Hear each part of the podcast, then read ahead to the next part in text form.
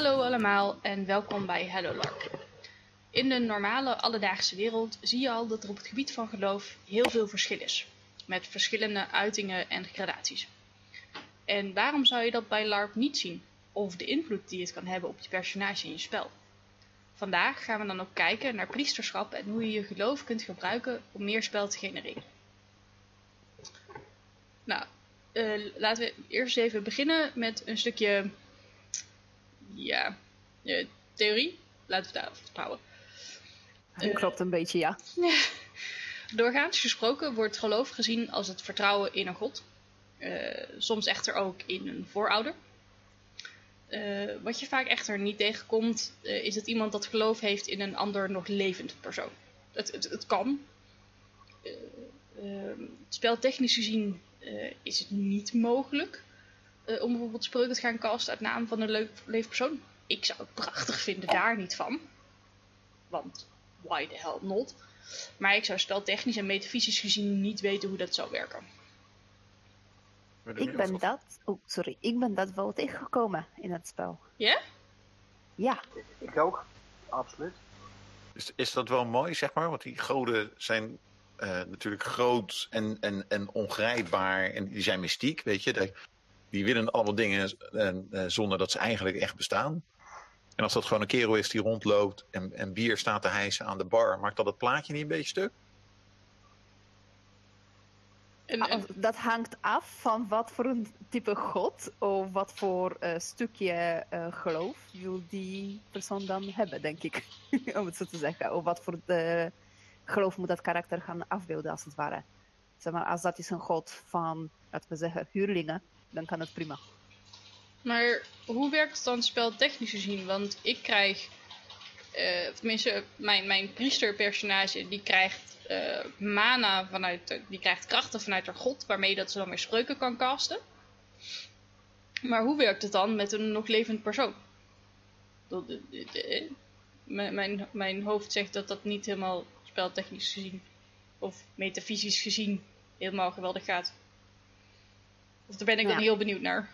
Ik denk dat de meeste, de meeste spelsystemen zullen wel een, een, een metafysische gedachte hebben. Dat je leeft en als priester of gelovige gaat jouw ziel uiteindelijk naar God. En die God die kan die ziel nog weer gebruiken om goede dingen te doen op, uh, op, op, op aard, zo gezegd.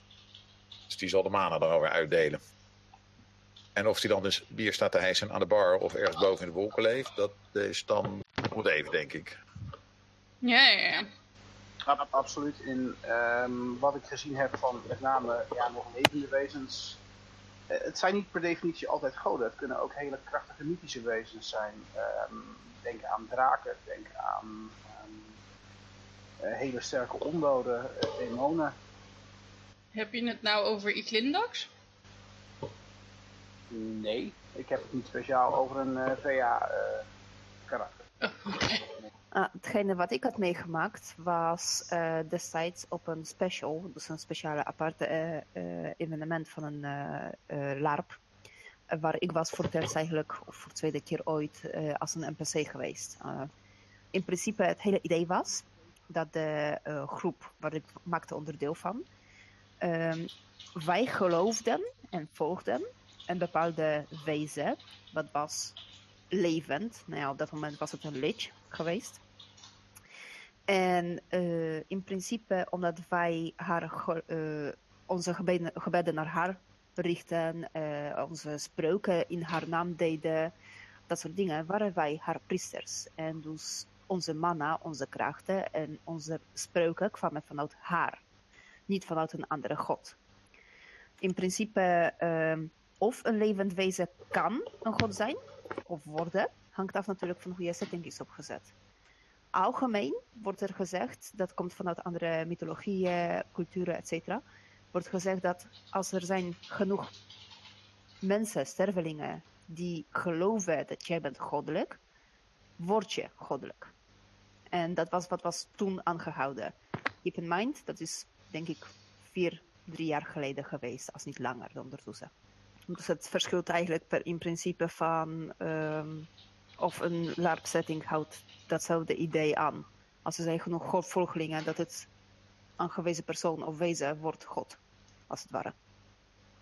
Ja. Ja, ik geloof... ja, dat, dat hangt een beetje vanaf inderdaad het concept hoe eh, een wezen een god wordt. Maar dat is wel, eh, de, de methode die jij beschrijft, Kotka, is inderdaad wel een hele gebruikelijke vanuit heel veel settings. Als er maar genoeg wezens in geloven, krijgt het vanzelf kracht. En hoe krachtig je het maakt, kan het vanzelf een god worden.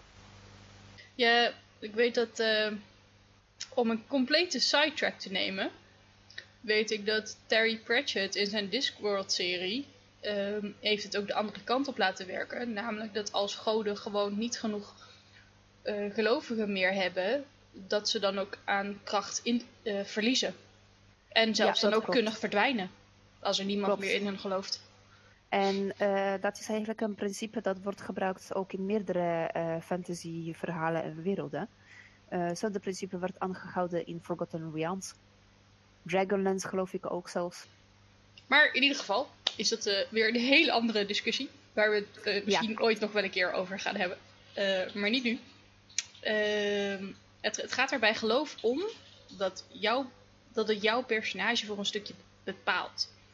Wanneer jouw personage gelooft in iets of iemand, dan betekent dit dat hij of zij achter iets staat. Het maakt verder eigenlijk niet uit wie of wat dat is en in hoeverre jouw personage dat geloof heeft. Als jouw personage iemand is die volledig bekeerd is door een god in het spel, dan zegt dat iets. Als jouw personage altijd godengeneuzel maar niks vindt, dan zegt dat wat anders. Ehm, nou, voor vandaag gaan we in ieder geval eerst kijken eh, wat het betekent ehm, als jouw personage tenminste redelijk bekeerd is door een god. En je hebt natuurlijk ook de valse priester die eigenlijk niet gelooft. Daar komen we later nog terug, over terug. Eerst maar eens kijken bij de priester die ongelooflijk achter zijn of haar god staat. Nou, de, de eerste personen aan wie ik dan moet denken, dat zijn eh, de meesters bij Vortex Adventures. En dan vooral Sophia, de meesteres van Solar. Die is eh, ongelooflijk voortvarend. Nee, nee, dat is denk ik niet woord. Zacht uitgedrukt. Naar voren komend met haar geloof in Solar. Ja, Ja, dat, dat eh, komt inderdaad in beurt. Ik ken de speler. ja dat doet ze goed. Klopt. Een zeer vervlogen eh, eh, meesteres, absoluut. Vervlogen, dat was het woord dat ik zocht. Ehm, als meester zijn, staan ze natuurlijk compleet achter die god. Of dat zouden ze in ieder geval moeten, moeten staan. Ik ken natuurlijk het voorval van een god die per se wou dat één speler zijn meester was. En die speler was het daar niet zo mee eens. En die was eigenlijk heel blij toen hij van dat klusje af was. Ehm, en het is sowieso de taak van de meesters om andere personages informatie te verschaffen over hun god en die waar mogelijk te bekeren. Hè, zie je het in dat geval als een soort hoge priester. Eh, maar het is natuurlijk ook mogelijk om compleet achter je god te staan zonder dat je meester bent. Dan bestaat er een band tussen jou en die god en het is die band die zo belangrijk en bijzonder is in dit verhaal. Want die band is datgene waar je spel mee kan creëren. Je kan namelijk anderen vertellen over jouw band met jouw god. Over waarom die zo belangrijk voor jou is. En je kan in je kostuum, in je acties, in je woorden, ehm, in je heel je doen en laten het gedachtegoed van jouw god laten blijken. Ehm, nou, hiermee kan ik natuurlijk eh, uiteraard het, voorbeeld aandragen van mijn eigen personage. Ja, Embla is een viking en de vikinggoden zijn redelijk bekend ondertussen door Marvel en door de, door de serie Vikings op Discovery. Eh, en eh, haar god die heeft haar gekozen op jonge leeftijd.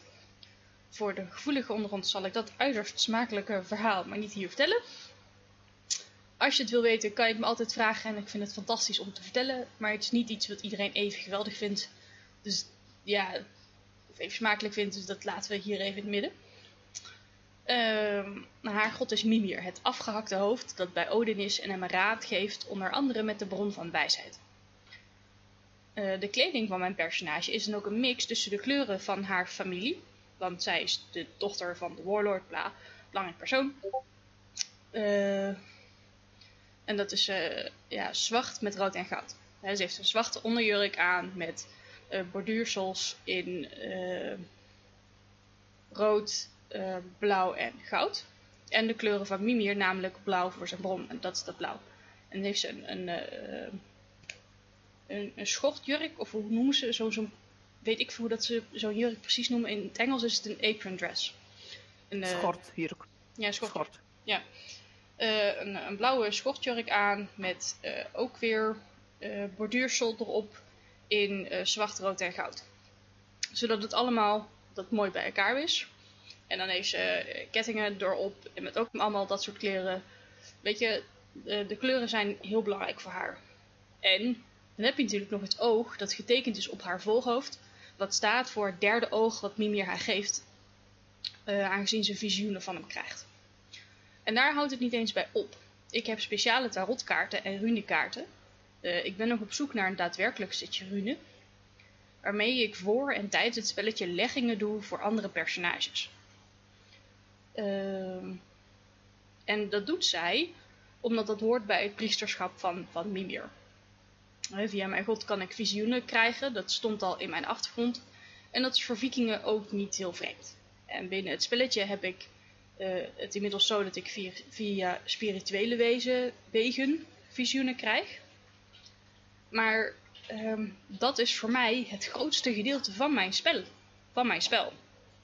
Want ik heb spreuken, ik, ik ben priester B, maar ehm, ik geloof dat ik het meeste met mijn spreuken doe als ik een keer iemand genees of zo. Dat doe ik veel.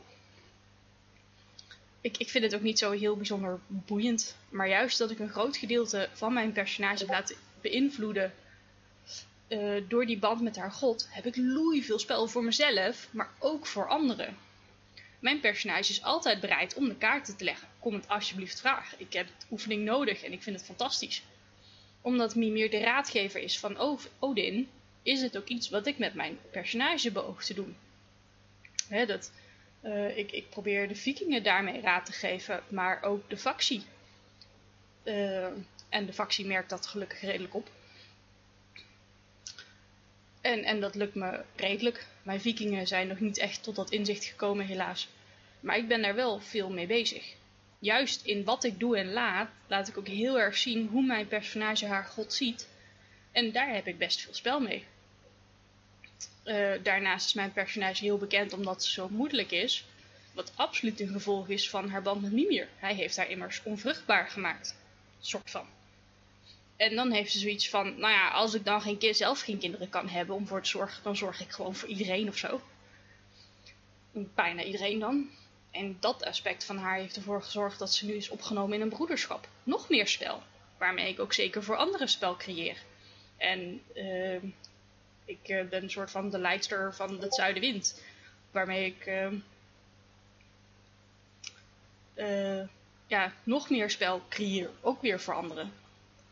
Weet je, en dat doe ik allemaal zonder dat ik aan mijn spreuken kom. Uh, en ja, en ik weet dat veel van de vikingen in ons groepje, die hebben een Noorse god gekozen waar ze achter staan. Eigenlijk allemaal wel, maar niet iedereen is priester. En, maar ze gebruiken allemaal het gedachtegoed van die god om keuzes te maken. Zo hebben we een groepje die allemaal Freya aanhangen. En dat is prima. Uh, en die voelen zich dan een soort van verbonden met elkaar, omdat ze allemaal diezelfde god aanhangen, waardoor ze met z'n allen af en toe samen spel hebben. Uh, maar ja, als je dan gaat kijken naar het spel van een priester, dan kom je, uh, en zeg het als jullie het daar niet mee eens zijn, snel uit bij waarden en normen. En dat je die probeert uit te dragen en ook aan anderen probeert over te dragen. Vorige keer hadden we het over magiërs. En uh, dat die spel zoeken in de metafysica. Nou, naar mijn idee zoeken uh, priesters voornamelijk het spel in contact met andere spelers en lore. En dat je anderen probeert te overtuigen van je god. En dat je taken kan krijgen van je god. Nou, hoe zien jullie dat? Uh, ja, precies dat. Je hebt, je hebt uh, magiërs en metafysica, dat gaat over regels. En als je dan spelleider bij betrokken wordt, dan moet je dat proberen consistent te houden. En je moet al die regels in gedachten houden als je daar iets van verhaal van wil maken. Uh, en, en, en een verhaal voor, voor het godenspel is veel makkelijker. omdat goden eigenlijk individuen zijn en die willen dingen. Super makkelijk. Uh, de, je kan het bij wijze van spreken als spelleider uit de hoge hoed trekken. En de spelers die slikken het allemaal zoet koek. Um, en dat maakt het heel, heel makkelijk om verhaal voor te schrijven.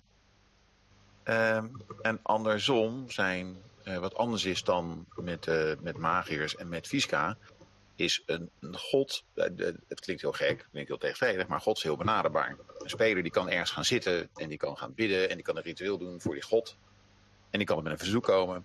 En als spelleider is het veel makkelijker om zo'n verzoek aan te nemen dan iets te doen met, eh, met een, een, een ritueel of, of magische spreuken of, of moeilijke discussies. Je hoeft, je hoeft er niet heel hard over na te denken als spelleider. Eh, of de dingen op lange termijn wel of niet consistent blijven. Al het kan gewoon zijn wat de god op dat moment goed vindt en een dag later niet meer.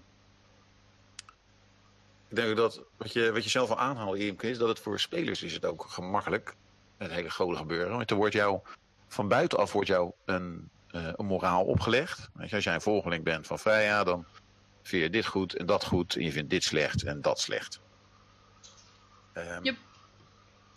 En ik denk dat dat best wel makkelijk spelen is, zeg maar. Want dan kun je ook allemaal onredelijkheden instoppen als spelleider. En, en allemaal tegenstrijdigheden. Eh, je kan spelers van tevoren eigenlijk al opzetten in je spelletje. Om een keer een conflict te hebben met een ander geloof of een andere groep. En je hoeft, helemaal niet, je hoeft het helemaal niet te verantwoorden. Want het is gewoon wat God vindt. En eh, ja, daar heb je het maar mee te doen. En je hebt die onredelijkheden als speler maar te verdedigen. Als je het niet goed doet, dan krijg je op je falie van die God. En dat wil je niet, want je wil die waarden en normen je uitdragen. Ja, maar ik, ik weet ook niet hoe ehm vattelijk goden zijn voor onredelijkheid in elke setting. Ehm, want ik, ja, ik weet inderdaad dat de Griekse goden die zijn zo capricious als maar zijn kan. Maar ehm, ik, ik weet niet per se of dat ik dat terug zou zien bijvoorbeeld bij de vikinggoden of bij ehm, ja, eh, J- Japanse mythologie. Al ben ik daar ook met vele malen minder in thuis. Daar ben ik wel bekend mee, ja. Je, hebt, je ziet het in Vortex zie heel duidelijk terug. Daar hebben we allemaal, eh, allemaal tegenstrijdigheden in die goden gestopt. Die eigenlijk nergens op gestoeld zijn als je er goed naar kijkt. Ja, er zit wel een vaag verhaal achter. Maar je, je hebt aan de ene kant heb je de, heb je de, de, de, barbaarse, de barbaarse godengroep, de Rakai. En die zeggen, je mag geen dingen opschrijven, want dat vinden wij slecht. Dat is, dan leg je dingen vast en dat is niet hoe je hoort te leven. Weet je? Dat moet overgedragen worden, zodat alleen de belangrijkste verhalen, bla bla bla bla bla. ja. Ehm, en hebben spelers die gaan het verdedigen. Die gaan zeggen, moeten we niet opschrijven. We moeten geen boeken maken en noem het op. En aan de andere kant heb je dan een god die gaat over kennis. En kennisopbouw. En bibliotheken. eh, ehm, en monniken. En, en de meester daarvan die loopt met zakken met scrolls rond en dat soort dingen. Nou ja, dat gaat natuurlijk nooit goed. Die hebben continu lauwe discussies. En eh, halve knokpartijen, als er een groot probleem is, waarvan de een zegt, als we het nou gewoon allemaal opschrijven, en de ander zegt, ik dacht het toch niet. Vergaderingen, vergaderingen, vergaderingen. Ja, in het geval van Vortex is het schreeuwpartijen met je vuist op het, op het altaar slaan en, en proberen zoveel mogelijk vrienden erbij te betrekken en het zo groot mogelijk op te blazen. Ja, maar dat is ongeacht welke setting altijd de beste manier om ermee omgaan. Heel goed, ja. Dat geeft de leukste evenementen. Anders wel, ja.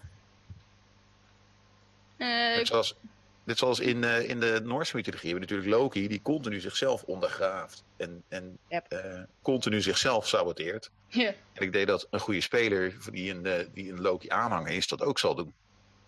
Misschien wel, misschien niet.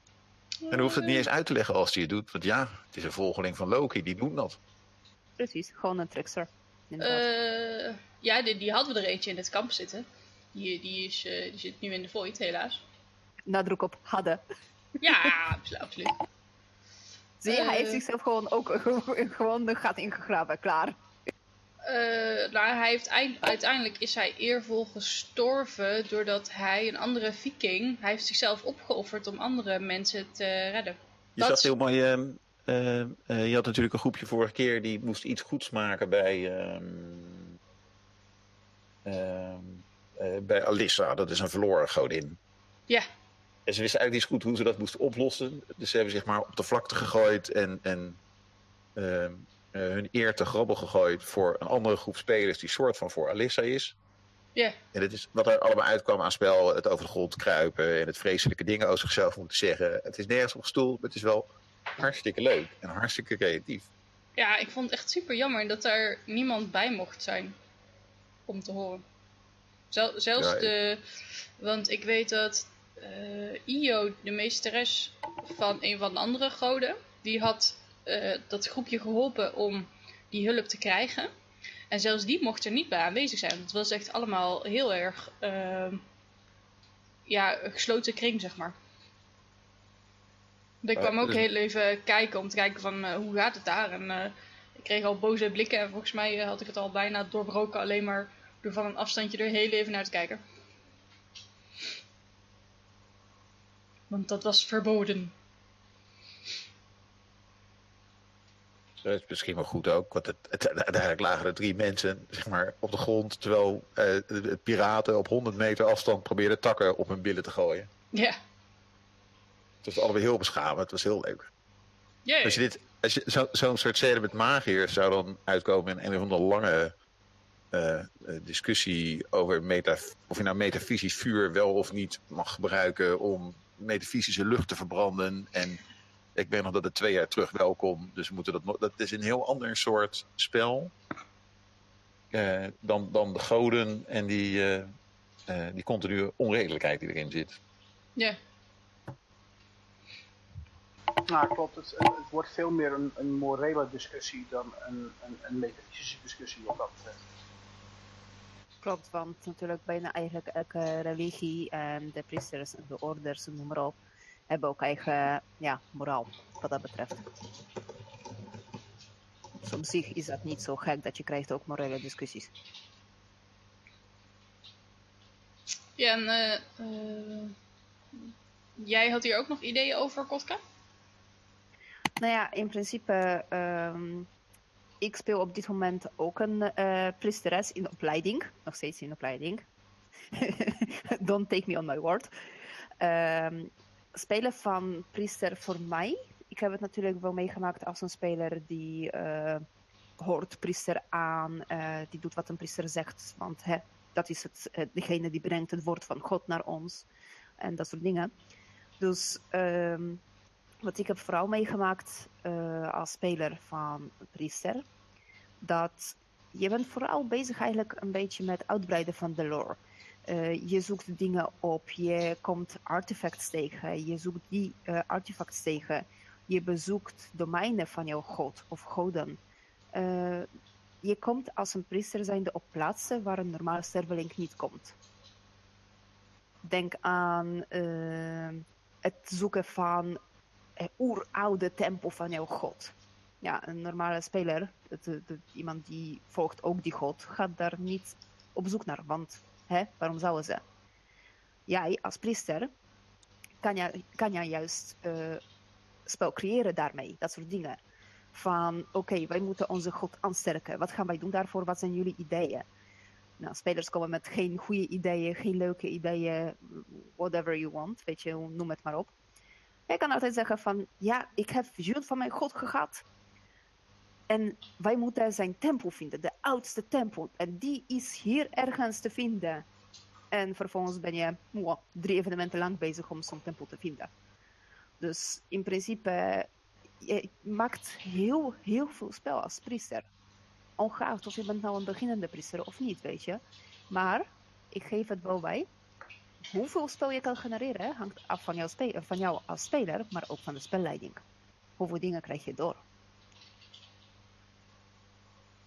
En ik heb zelf natuurlijk ja, geen ervaring met eh spelleider zijnde. Dus ik weet niet hoe, hoe kan je bijvoorbeeld als spelleider eh, spel creëren ook voor priesters. Hoe, hoe ziet het uit vanuit spelleidingkant? Hoe ziet het uit vanuit spelleiding? Wat ik al zei, het is heel makkelijk om ehm, eh, te bedenken wat zo'n god wil. Het is, het, het, is iets waar je, waar met een kopje koffie voor kan zitten en een leeg stuk papier. En je denkt, ik heb hier een god. Bijvoorbeeld die barbaarse god. Die bestaat uit een soort stammen bij Vortex. Die zich hebben verenigd onder één vlag.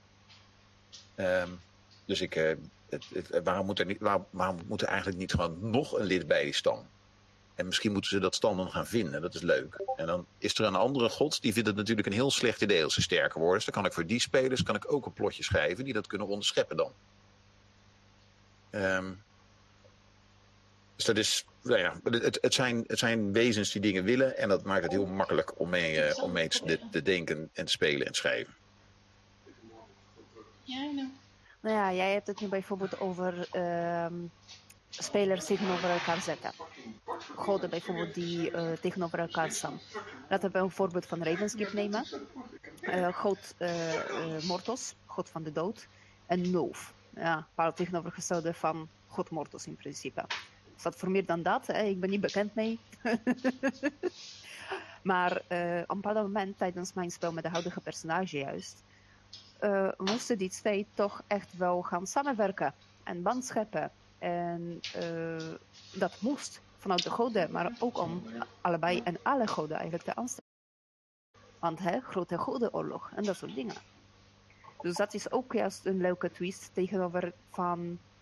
Oh, eh, ik ben god van de dood. eh eh, god dat staat voor leven is mijn tegenstander. Dat is ook een beetje een andere twist, vind ik. Misschien is dat ook nog natuurlijk het verschil. Dat de- wat, ik, wat we net al zeiden, dat de meeste, de meeste spelletjes zijn ergens gebaseerd op zielenhel van het een of het ander. En er is natuurlijk geen andere groep spelers meer bij betrokken dan de priesters. Yep, klopt. Dus Dat ook is om de rest van de spelers te overtuigen dat het belangrijk is. Nou ja, in principe alle spelers, als ze zijn gelovig, de personages, dan eh, zien ze de priesters aan voor eh, jij bent het mondstuk van God. God spreekt door jou naar ons toe. Dus als je zegt, ja, eh, God heeft mij verteld dat wij moeten dat vinden, dan heb je hele, hele grote kans dat de spelers gaan als gesoord op zoek naar dat ding, want hè, het moet gevonden worden voor de God. Maar je hebt net zo'n grote kans dat iemand gaat het juist niet laten vinden, want hè, jouw God heeft het nodig. Dus daarmee spelen met een priester, je kan voor zoveel spel zorgen en zoveel spel maken en breken en noem maar op. Dat is gewoon je eigen plotboek schrijven. bij- Het, het schrijft zichzelf bijna inderdaad. Ja, nou, een goede voorbeeld van dat soort dingetjes is eh, met mijn personage en hoe zij eindigde als eh priesteres in opleiding. Omdat het begon met een, eh, hè, ik heb eh, goed werk verricht voor iemand, die persoon wilde mij belonen met een nieuwe panzer. Tot eh, grootste lol van mij betekent dat mijn nieuwe panzer, wat ik had net gekocht, kon in het spel gebruikt worden via een spelverantwoorde manier zodat ik kreeg te horen dat er staan vier spelleiders eh, te poppelen van, hè, leuke plotje. En toen kreeg ik het panzer aangereikt met woorden, je hebt nu een artefact van God van de dood in je handen, eh, en inclusief alle gevolgen van dien. Zodra ik zou dat panzer gaan aantrekken, zijn er gevolgen aan. Met, volle, met hele grote gra- grijns en eh, volop enthousiasme trek ik de panzer aan, uiteraard. Maar de doorlopende spel daarmee was wel. ehm, ik werd soort van gedwongen om zich te laten inzwieren bij die god, bij God van de dood. Omdat het panzer was levend. Dat betekende dat panzer voedde zich met mijn eh, levenskracht. In dit geval omdat ik had geen mana. Dus ik had geen spirituele kracht. Wat voert eigenlijk het panzer? Ja, wat ga je dan doen? Oké, hoe krijg je mana? Ja, je wordt of een priester of een magier ja, wat is meest voor de hand liggende in dat geval? Wordt een priester van God van de dood. Het is zijn artefact, zijn panzer. Dan ga je die pad volgen. En zo was ik eigenlijk beland als priesteres zijnde. Eh betekent natuurlijk ook weer afsluiting van andere goden. Gevolgen van eh, je moet maar één god volgen, want je kan geen twee goden volgen. Ja, daar ben ik onderuit gekomen een beetje. Puur door het spel, gelukkig.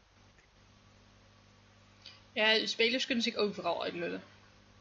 Oh nee, dat was niet zich uitlullen. Dat was echt puur door het spel gekomen. Ik heb het gewoon goed uitgespeeld. Ja, Ja, als spelers het goed doen, kunnen ze echt onder een hele hoop uitkomen. ik heb een bonje aan een, priest, aan een altaar gehad met een hoge priesteres van een god van schaduw erover, bijna. Wie, Ik is, heb me niet per se eruit geluld. ja, IC. wie was dat? Eh, chips, ik weet haar naam buiten karakter niet. Oh, dan, Maar- weet, dan weet ik al wie over wie je het hebt. Ja, zeg maar van de drie zusjes en zo. Ja. Van. Oh, Maar- zij is de hoge priester, oké. Ja, de, De hoge priesteres, klopt. Alleen, eh, mijn personage bewandelt de paden van God van Schaduwen al heel erg lang. En in dit moment was het, ik laat mij een jonge priesteres, priesteresje niet vertellen hoe ik mijn God moet volgen. Ik volg mijn God al langer dan zij leeft. Zeg maar, dat niveau gesprek was het. Dus dat was echt een hele, hele sterke moment voor beide eh, personages voor haar als hoge priesteres en voor mij als iemand die zit langer in geloof van schaduwen. Maar tegelijkertijd is een pas beginnende priesteres eigenlijk van een andere geloof. En dat clashte een beetje. Maar Mhm. we zijn goed eruit gekomen. Ja, ik word natuurlijk constant in de gaten gehouden. Oh nee, stel je voor. maar daarmee ehm, had ik eigenlijk een beetje taboe gebroken. Of misschien juist gemaakt. Want twee goden aanhangen is op het algemeen in LARP niet echt zo makkelijk gedaan. Mijn personage is in principe eh, vanuit haar achtergrond ook een beetje. Komt uit een omgeving waar alle goden worden eigenlijk, eh, naar alle goden wordt gebeden. Eh, je groet elke, elke van de goden aan de altaar elke ochtend. Wanneer je net opstaat of maakt een rondje door de tempel, wat dan ook. En dat is niet zozeer omdat je alle goden volgt, maar je weet nooit welke god de hulp je nodig. Of welke god zou eh, jouw zegen eh, gaan geven die dag. Noem maar op. Weet je, het is voor mijn personage net zo simpel als ik ben wakker, ik ga ontbijt halen. Ik loop voorbij een tempel, loop ik even naar binnen en ik schiet een gebedje naar alle goden. Bij elke altaar. Dus dat heeft, eh, zo'n houding heeft dan ook weer andere gevolgen voor het personage. Absoluut. En het grappige is eigenlijk, ik merk wel dat ehm, er zijn bij Ravenskin bijvoorbeeld steeds meer spelers die dezelfde houding aannemen. Want des te vaker maak ik dat rondje in het tempel ochtends, dus te meer spelers kom ik tegen. Die doen hetzelfde. En je kijkt elkaar zo aan van, jij bent er ook zo eentje. En zo krijg je ook weer, weer spel en gevolgen en maar op. Nu. Ehm, nou ja, eh, Pascal, ik weet dat ehm, jouw personage een van de goden aanhangt op VA. En welke invloed heeft dat op jouw personage? En eh, heeft een dergelijke invloed, zit er die ook op jouw personage bij Boeia? Ehm, voor mijn VA-personage ben ik ehm, inderdaad een volgeling van de godin eh, Lilith. Eh, ondersta- onder andere staat voor eh, hoop en gerechtigheid. Dit heeft tot op zekere hoogte zeker invloed op mijn, mijn spel, mijn personage en zijn acties. Al zou ik hem niet een priester noemen, nog zou die met enige eh, snelheid priester willen, eh, willen worden. Maar dat zit meer in eh, de achtergrond van het karakter zelf. Maar het morele aspect van het volgen van god is zeker terug te vinden in zijn beslissingen en in zijn doen en laten op de vortex zelf. Ehm, voor mijn goede personage is dat echt heel, heel anders, daar die ehm, meer geënt is op een filosofie en niet zozeer een god. Dus daar zit dat aspect niet in. Maar al zijn acties zijn dan weer terug te redeneren naar de achterliggende filosofie van het karakter. Ja.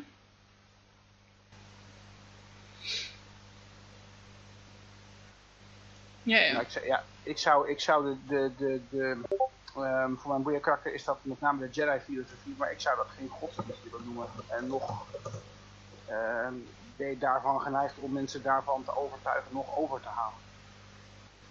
Iets wat je bijvoorbeeld met goden wel zou kunnen doen als spel, eh spelcreërend element om anderen te bekeren tot jouw god. Wacht even, jouw personage op Boeia is een van de Jedi?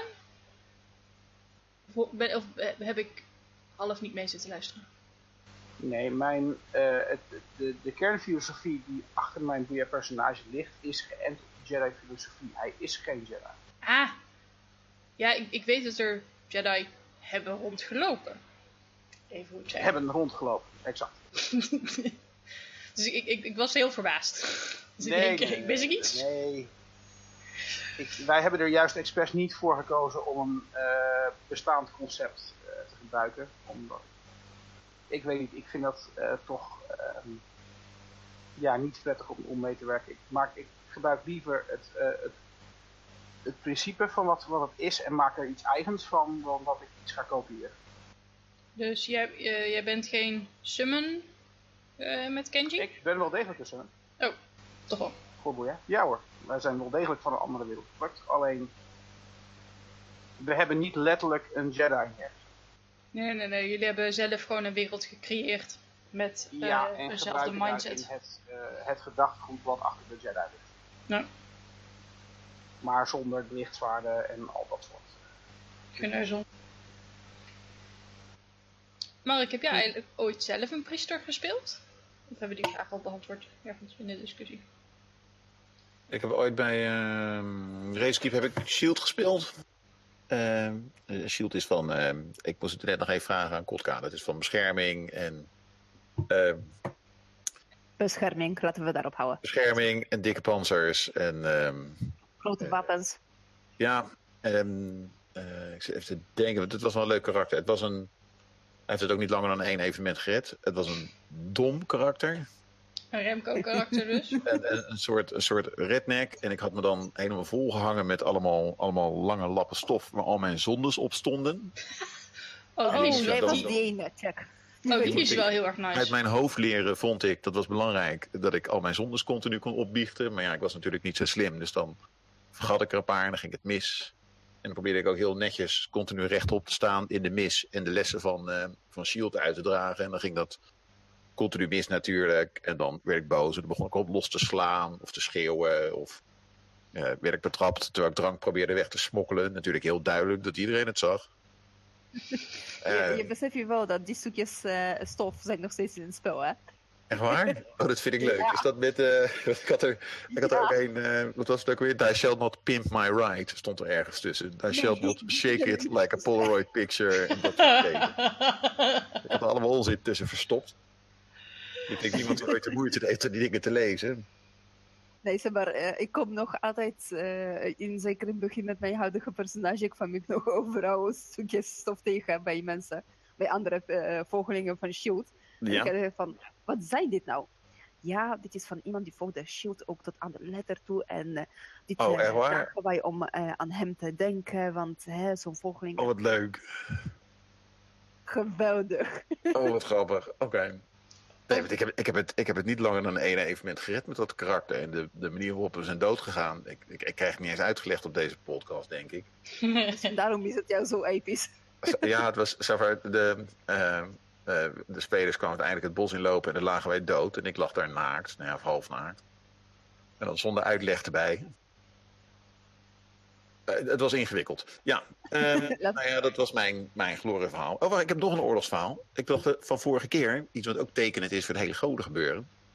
Dat er, um, er kwam vorige keer kwam er zondagochtend een speler naar het altaar toe.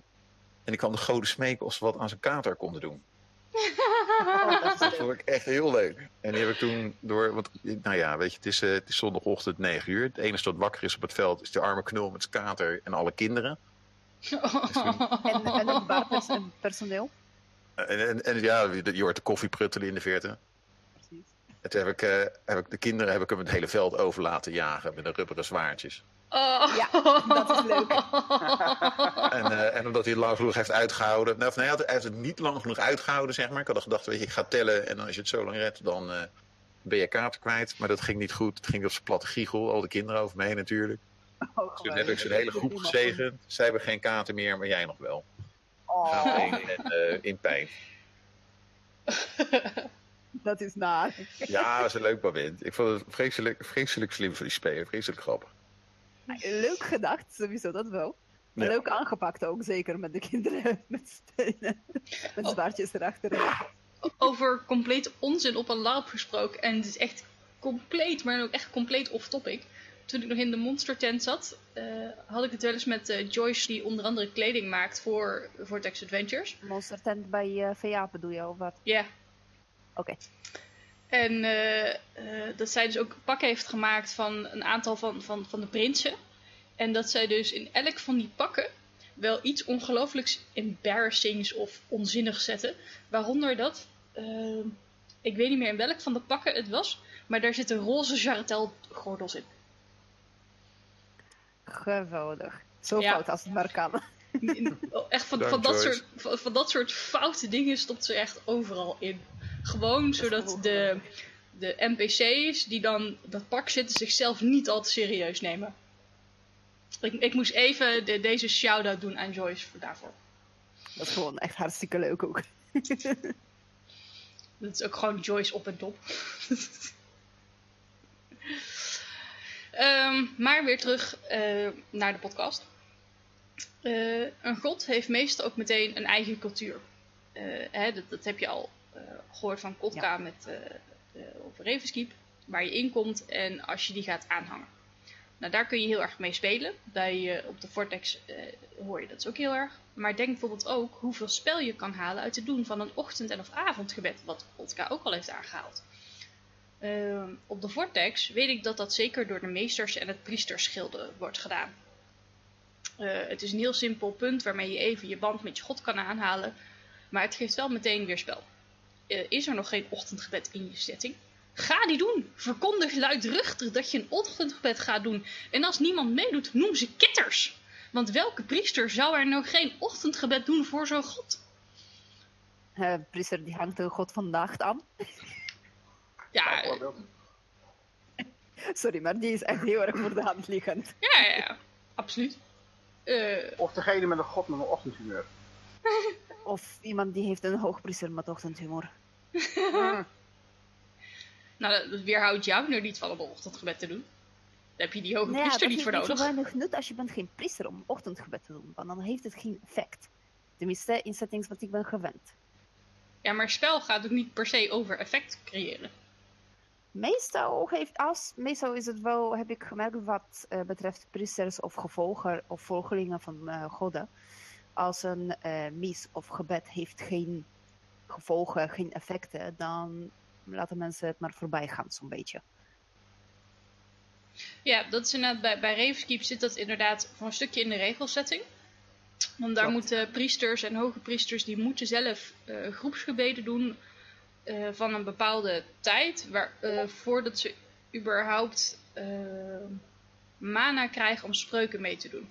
Eh, behalve op vrijdagavond, want de, je hebt nog niet echt kans gehad, wat moet je doen? Ehm, of je komt ja, extra... sommige mensen ja. kiezen alsnog om als eerste eigenlijk wat ze doen zodra het evenement begint. Alle volgelingen ontmoeten elkaar, bijvoorbeeld bij Mortos-aanhangers is het wel zo. Eh, vrijdagavond, zodra je bent, is zij, eh, we verzamelen eigenlijk in het tempel, want het eerste gebed van het avond, tevens eerste gebed van het evenement voor ons. Ja, ja nou ja, ehm, dat is inderdaad natuurlijk wel een, een, een ding. Ehm, ik weet niet of dat, dat op de Vortex zou werken. Ik weet, ik weet zeker niet of dat, dat op alle LARP-evenementen, eh, LARP-systemen, zeg maar, zou werken. Want dan moet dat ook echt in het regelsysteem zitten. Ehm, maar het is meteen een goede manier om de andere priesters van je geloof samen te hebben en samen iets te doen voor je god. Spel voor iedereen! Ik heb daar zelfs als NPC was ik daarin terecht gekomen. Dit was erg leuk. Ook weer zo'n moederlijk persoon. En daar heb jij echt iets mee, hè? Ja, echt hoor. Ik moet, ik moet er toch wat mee doen. Ja, zeker. Nou ja, in principe weet je, het hangt ook een beetje af van ehm, hoeveel spel kan je creëren als groep. Ook van hoe, zijn de goede, hoe goed zijn de afspraken gemaakt vooraf een beetje. Want eh, ik merk wel als er is onderling in groepen van eh, aanhangers of volgelingen van bepaalde goden. Als er is buiten het evenement geen contact of wat dan ook, dan gaat het spel maar zo stroef en gewoon niet verder. Ja, ik, eh, ik, ik, Mark fluistert mij in dat hij een verhaal heeft over Jorik. Ah, wel nee, dat is geen mooi verhaal. Dat is gemopper over, over spelregels en, eh, en verenigingen. Ik, ik, ik vind het hoe dan ook een fantastisch verhaal. Het, het, het, het, waar het een beetje botst af en toe in het spelletje is natuurlijk dat je van tevoren bedenk je spelregels. over eh, mana en dingen. En eh, dat priesters bijvoorbeeld dus, eh, weet ik veel, diensten moeten doen voordat ze mana krijgen.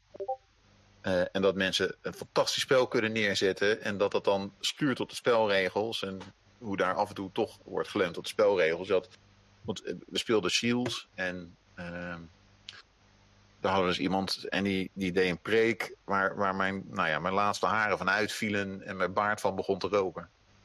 Die was zo vreselijk goed dat, ik, eh, dat we een soort, soort nou ja, een, een staand applaus gaven aan het einde. Ja. En die probeerde te bereiken. En toen was er een spelleider die er bij stond en die heel flauw zei van ja, maar je hebt geen, eh, je hebt geen cirkel getrokken, dus ik eh, kan er geen effect aan geven. Dat, eh, Ja. jongens, dit is, deze, deze jongen die krijgt na de hand een Oscar voor deze scène. Maar het heeft niks uitgehaald, want hij had geen cirkeltje getrokken op de grond met een stukje hout. Ah, Ja, dat is een beetje heel, erg- heel erg, hoe noemen ze dat? Regeltjes snoken of zoiets, was dat? Ja, ja, het, is, Ja. het is natuurlijk een, moeilijk, een, moeilijke, een moeilijke afweging als spelleider die moet maken. Eh, heb jij dat zelf ook wel eens gehad? Dat je, Ehm. dat je denkt zo van, nou, spelers die hebben wel heel erg hun best gedaan. Maar technisch gezien zijn ze wat het- vergeten, gaat het niet helemaal goed. Ehm, Nou, wel nee. Het, is- nou ja, ja, nee. Ik, ik- zeg maar, ik denk dat ik de andere kant op leun en dat dat ook niet altijd goed is. Weet je, we hebben een keer gehad over, eh, over type spelers en wat die verwachten in dat spel. Dat je mensen hebt die vinden spelregels heel belangrijk. Ehm, en die spelen naartoe om dingen gedaan te krijgen met spelregels. mhm. Ehm, en dat ze dan, weet je, dat we een mooie scène bouwen. En dat ik dan naar de hand kom met een beloning in de trant van, nou weet je, dat de god die ziet dat. Eh, je- krijgt een dikke duim, je hebt het gevoel dat je iets goeds hebt gedaan. En dat er later een moment zal zijn dat de, de- deze god zich tot jou zal keren en jouw kant zal kiezen in een verhaal. En dat spelers dan een beetje beteuterd weglopen, want dat is niet wat zij gewild hadden. ja. Ja, maar dat is ook iets wat spelers heel gauw vergeten natuurlijk. Is, eh, je krijgt niet per se wat je om vraagt. En soms kan dat ook voor zoveel spel gaan vragen of zorgen dat, eh, ja, denk aan, eh, oké, God heeft niet het antwoord gegeven wat we dachten. Chips, wat nu? Oké, zoek uit wat het betekent. Dat soort dingen. Ja, ja maar meestal, zeker, zeker als je wat. eh, ehm, eh, weet je, dat, dat moet je een beetje aanvoelen op een gegeven moment. Dat je denkt: oké, ik moet deze spelers moet ik duidelijk maken dat ze niet goed zitten. Maar ze hebben wel een best gedaan. Dus ik moet ze een volgende stap laten zien. Dat ze, dat ze een concreet doel hebben waar ze dan naartoe moeten werken. ja. Klopt. Maar, de, de- nou ja, weet je, af en toe dan pis je er gewoon naast als spelleider. En dan, ehm, eh, dan kom je dus met een, een tegenantwoord. Weet je, het is improvisatie, jij doet wat, ik reageer erop. En, en jij bouwt weer op waarmee ik reageer, et cetera. Soms dan eh, bouw je ernaast. de mensen niet zoveel met wat jij denkt, hé, maar dit is toch een toffe, een toffe handreiking. Oftewel een hele omweg maken en uiteindelijk kom je bij hetzelfde uit als speler zijnde wat oorspronkelijk was bedoeld. En dan heb je zoiets van, shit, kon ik dat niet twee Ja. maanden eerder door hebben of zo. Ja. Maar dat is, dat is een hele andere, dat is een hele andere, eh, een heel ander, ander punt. Daar kun je ook een hele goede avond over vol discussiëren. Oh ja, zeker. Ehm, ja, een, eh, een andere manier, eh, en die heeft Mark eigenlijk al een beetje aangestipt, eh, waarmee dat je spel kan creëren met je medepriesters en medevolgelingen, zijn eh, rituelen die passen bij hoe jouw god in elkaar zit. Eh, goden van de dood hebben meestal wel begrafenisrituelen.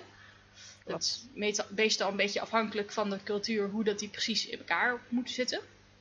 Eh, bij elke god die er is, zijn er echt wel dingen die je kan bedenken die belangrijk zijn voor die god om een ritueel of een ceremonie aan vast te maken.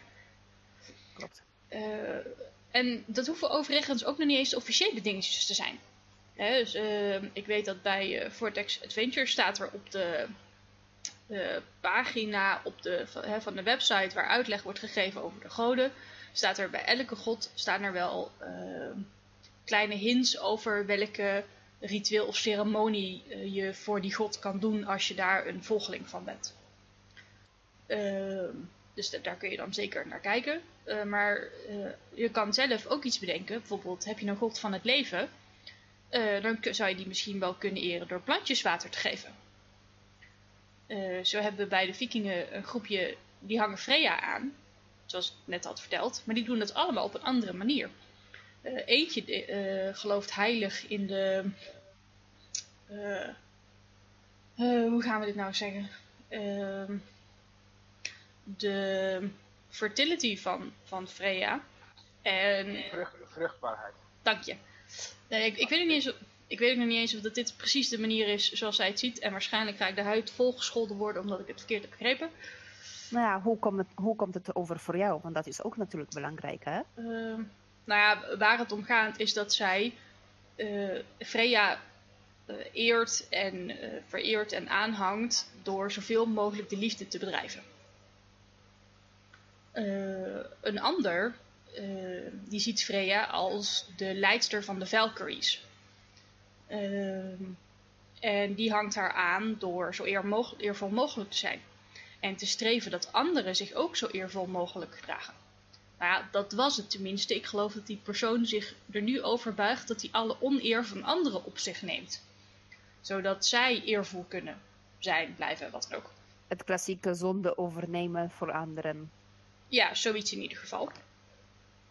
Uh, weet je, of, of ga ruzie maken met je medegelovigen over waar je God nu eigenlijk echt voor staat. Of, en hoe je dat geloof zou moeten doen. breng die discussie op gang. Probeer uh, de anderen te overstemmen in, in gebeden, want laat maar zien hoe vroom jij wel niet bent. Uh, daarbij moet je natuurlijk wel uitkijken dat je niet over iemand zijn grens gaat en dat de rivaliteit wel vriendelijk blijft. Of dat je in ieder ja, geval. Dat is ook een belangrijke, ja, klopt. Uh, buiten het spel om nog echt vriendelijk tegen elkaar kunt zijn. Maar als je wat van elkaar kan hebben en je weet wat dingen van elkaar en je kan elkaar wel plagen, dan zou ik je zeker aanraden om in het spelletje eens een keer die rivaliteit aan te gaan. Het is spel voor jullie, maar ook voor de omstandigers die uh, er weer eens mee moeten dealen dat jullie weer in een of andere heftige discussie zitten. Of als ze er niet mee willen dealen, dan op zijn minst de popcorn erbij kunnen pakken om ernaar te gaan staan kijken. Vind ik altijd mijn mooiste moment om mee te maken. Ja, dat is ook heel erg leuk om de uh, verhalen te horen, bijvoorbeeld van hoe de rest het zag. Of uh, zeg maar het niveau van, nou, toen ik zag jullie zo in een discussie gaan met elkaar, dacht ik echt dat er gaat gewoon echt een bonje ontstaan. Weet je, de, de, de, reactie van spelers en de andere speler maakt het soms echt heel erg waard. Ja. Ja, absoluut. Maar je hebt het over gaan met, met je eigen, uh, de andere volgelingen van jouw in discussie. Maar ik zou ook juist je aanraden om met de volgelingen van de andere goden in discussie te staan. Want die discussies zijn vaak nog veel interessanter. Absoluut. En een stuk gevaarlijker. Ja, maar het levert ook meer spel. En als je inderdaad een, een vaste rivaliteit met uh, een bepaalde god of een bepaalde priester aan wilt gaan, uh, kun je dat van tevoren of op een gegeven moment, als jullie zoiets hebben van nou oké, dit wordt een vast ding, dat je dan mekaars grenzen even gaat doorspreken en kijken van oké, wat vinden wij leuk om hiermee te doen? Vinden wij dit überhaupt wel leuk zo? Willen we het verder trekken? Vinden we het wel goed zo? Maar spreek het dan even door, zodat het, uh, de communicatie helder blijft en uh, het uiteindelijk niet is dat de een het wel leuk vindt, het spel, maar de ander eigenlijk al lang niet meer. En zoiets heeft van, god, komt hij weer? Klopt, het moet wel een beetje uh, speelbaar blijven. Maar aan de andere kant, het reactie IC in karakter krijgen van, oh god, daar komt die weer aan. Oh, die is prima. De, dat, dat ja, is een precies. compleet prima reactie. Het, het, moet vooral in het spel blijven en het moet ja. in karakterreactie blijven. Ja, zolang het niet een reactie is die iemand buiten het spelletje heeft, uh, is zo'n beetje alles geoorloofd. Klopt inderdaad, eens. um, en dan gaan we nog even terug naar iets wat we al eerder hebben aangestipt. aangestipt namelijk het spelen van een valse priester. Uh, vanwege je familie of de onderdrukking door het geloof op je thuiswereld, stand, land, stad, land, whatever, was je verplicht een priester geworden zonder dat je er zelf achter stond. En nu zou je het woord van die God moeten verkondigen, terwijl je het eigenlijk helemaal niet zo gelooft. En je personage gelooft altijd wel en iets, al is het maar dat die God slecht is en dat iedereen zijn eigen destiny moet maken. Weet ik veel, het is een geloof. Maar dat je eigenlijk helemaal niet zo in je God gelooft, kun je heel erg veel spel mee maken. Zelfs al is het uiteindelijk maar dat je personage er mogelijk voor kiest om zich om te laten scholen naar iets anders. Want ja, wellicht... zoiets was inderdaad eigenlijk uh, mijn personage overkomen. Ja. Want uh, de uh, huidige personage op Ravenskeep, zij was eigenlijk begonnen als um, aanhanger van twee goden. Shade, god van schaduwen, en Shield, god van bescherming. Mm -hmm. En de reden daarvoor was eigenlijk heel simpel en volledig IC verantwoord ook. Uh, wat ik speel is een um, scout slash ranger, militaire versie ervan. betekent dus iemand die werkt gewoon in een leger en die is aan het vooruit scouten van het terreinen, plaatsen, gebieden, dat soort dingen. En ja, het was logisch voor haar om die twee goden te aanhangen. En op een bepaald moment, uh, nou ja, de aanhangers van God van Schaduwen ontfermden zich over haar. Uh, ze wist dat ze kon op hen altijd rekenen. Ze kon er altijd terecht met problemen of hulp of met diensten of werk vinden. En de aanhangers van God van Bescherming hebben haar uh, ja, laten vallen, laten hangen. Uh, gesprekken dat ze probeerde te vinden met priester om over haar problemen te komen, kwamen maar niet verder behalve dan het komt wel goed of iets in die trend of je moet maar beter geloven. Ja, daar had ze niks aan. dus uh, daar was gewoon, uh, door het spel was ze eigenlijk uit haar geloof van God van Shield uh, gevallen. Ja. Uh, maar wat er dan ook gebeurt, is dat wellicht is er toch wel iets van die normen en waarden van die god blijven hangen bij je personage. Meer dan je dacht. Uh, of zijn het echt van die stomme dingen als dat je zelfs al heb je die god afgezworen, zul je toch nog steeds niet met bepaalde dingen vloeken. Uh, weet je, van die, van die kleine trekjes die toch in je personage blijven zitten. Ja, en in haar geval is het nog altijd het uh, beschermen van uh, iemand die een bescherming heeft nodig. Bijvoorbeeld een hele goede daarvan was, op een bepaald moment was er een gebouw, een woongebouw in brand. En een personage ziet dat en die krijgt te horen, ja, er zitten nog mensen in het gebouw. Maar in principe voor mijn karakter was het het, ja, ze hoort, mensen zijn in nood. Er zitten mensen gevangen in brandend gebouw. Eerste wat ze doet, haar wapens laten vallen, het brandend gebouw inrennen. Want er is iemand om te redden. Ze moet iemand helpen. Iemand heeft bescherming nodig. Ja. Dus die trekjes blijven inderdaad in haar geval zeker wel. En dat, dat is natuurlijk een hele mooie manier om vorm te geven aan uh, je personage. Want het blijft altijd zo dat wat je meemaakt, dat neem je mee. En het moet dus niet zo zijn dat als jij uh, een god volledig afzweert, omdat je er niet meer in gelooft, uh, dat dat geen invloed ineens meer heeft op jouw personage. Want jouw personage heeft die dingen wel degelijk meegemaakt, dus dat heeft wel degelijk een invloed gehad op jouw personage. Dus uh, daar zou je dan wel echt rekening mee moeten houden wat die invloed dan is. En dat kan klein zijn, dat kan groot zijn, dat mag je helemaal zelf bedenken, maar wees je ervan bewust dat die invloed er wel is. Uh, maar uh, we, we, gaan ook zeker even kijken naar hoe dat je als niet-gelovige priester spel kan maken. Uh, zo zou je bijvoorbeeld in persoonlijke gesprekken kunnen verkondigen dat jouw God eigenlijk heel erg slecht is. Maar vraagt men er publiekelijk naar, dan, dan, dan is je naam haas en dan ontken je alles. Want stel dat je gepakt wordt.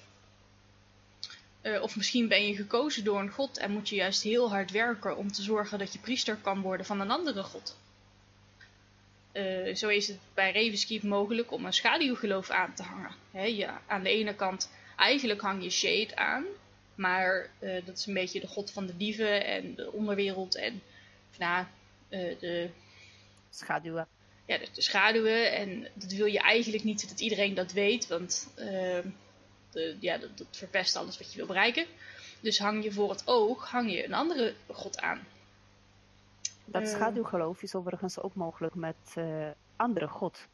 Dat je kan gewoon daadwerkelijk schaduwgeloof hebben van god A en schaduwgeloof van andere god. Niet per se shade. Ja? Ja, oh, de, maar, er zijn, maar, zijn, maar er zijn wat betreft schaduwgeloven sowieso altijd beperkingen natuurlijk. Ja, ja. De, de, ja. Dat, uh, dat moet je bij het LARP-systeem dan precies even gaan uitzoeken. Klopt, want dat kan elk moment aangepast zijn als het ware. Ja, dus eh, ja, daar, daar kunnen we nu niks over zeggen. Want, eh, de volgende keer dat je het luistert, dan is het misschien weer helemaal veranderd. Dus daar houden we ons eventjes wat dat betreft dan even niet mee bezig.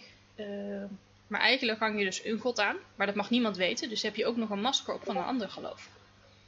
Dus moet je stiekem het werk doen voor één god. Terwijl je ook nog eens moet zorgen dat niemand het je ziet doen die het niet mag weten. Klopt. Oeh, wat heb je dan veel spel? Of je doet dan precies wat net als Mark doet, uh, heeft gedaan. Uh, die doet het zo nadrukkelijk uh, verborgen houden dat iedereen het absoluut opmerkt. Maar dat is niet voor elk personage even leuk. En uh, het blijft natuurlijk super spannend, want jij hoort al die kleine geluidjes die je maakt terwijl dat je probeert te sluipen. Maar uh, als ik op een larp rondloop, dan hoor ik het over het algemeen echt niet. Of het moet een super obvious stak zijn die knapt. Dus uh, weet je, het is gewoon super spannend om dan te sluipen en te proberen en, en te hopen dat andere mensen je niet zien. Uh, en dat de helft van de tijd zijn de meeste spelers zo oblivious als maar zijn kan. Dus dat is inderdaad wel uh, een interessant gebeuren. Nou ja, het is altijd nieuwsgierig. Uh, het is altijd interessant zeg maar, om te zien van hoe mensen pakken zo'n uh, spel aan. Iedereen pakt het anders aan. Dat is gewoon echt zo. En volgens mij is er niet uh, één unieke of specifieke manier van dat soort dingen aanpakken, zodat het zelf voor iedereen werken. Daar zouden we hele saaie spelletjes van krijgen, denk ik. Absoluut. Ik denk het ook, hè? Absoluut. En het voordeel juist van de goden is doordat het vaak een, een, een, een moreel en een persoonlijk ding wordt, is dat er juist net zoveel manieren zijn als dat er goden zijn. Kijk, uh, uh, ja, maar als je ook gewoon gaat kijken naar hoeveel verschillende manieren van het christendom aanhangen er wel niet is, zijn. Grammatica. Dan zou je eigenlijk datzelfde, diezelfde verscheidenheid zou je uh, bij elke god moeten kunnen zien. En uh, dan, dan heb je gewoon al zoveel spelcreatie te pakken uh, dat je oeverloos kwijt kan. Uh, maar die discussie hebben we al een beetje gehad. en wij zijn eigenlijk een beetje klaar voor vandaag. Volgende week gaan we het hebben over dat eeuwenoude mysterieuze beroep van alchemie. Heb je over een van de vaardigheden nog een goed verhaal of een goede opmerking? Laat het ons dan uh, weten via de Hello LARP Facebookpagina. Ook als er een onderwerp is waar je over mee wilt praten. Stuur ons vooral berichtjes. Uh, er wordt redelijk snel op gereageerd. Tenzij we allemaal aan het larpen zijn. Want dan zijn we niet zo uh, aan het kijken op onze telefoon. Uh, deze podcast staat of valt natuurlijk met de luisteraars. Dus stuur de podcast vooral door naar je vrienden die hem nog niet kennen. Uh, stuur ons je verhalen en opmerkingen. En mocht je het kunnen missen, denk er dan eens aan om een donatie te doen, zodat wij kunnen zorgen dat de opnameapparatuur kan worden verbeterd en jullie luisterplezier nog groter kan worden. Uh, dit kan eenmalig. Uh, hiervoor kun je contact opnemen via de Hello LARP Facebookpagina. Of dit kan maandelijks door patron te worden via www.patreon.com yfmc. Dat is Griekse I FMC. Voor 5 dollar per maand krijg je namelijk eerder toegang tot afleveringen. Kun je een kijkje krijgen in de notities van de afleveringen. En kun je ook stemmen op toekomstige afleveringen. En nog veel meer, maar daarvoor moet je even op de Patreon pagina kijken. Tot volgende week!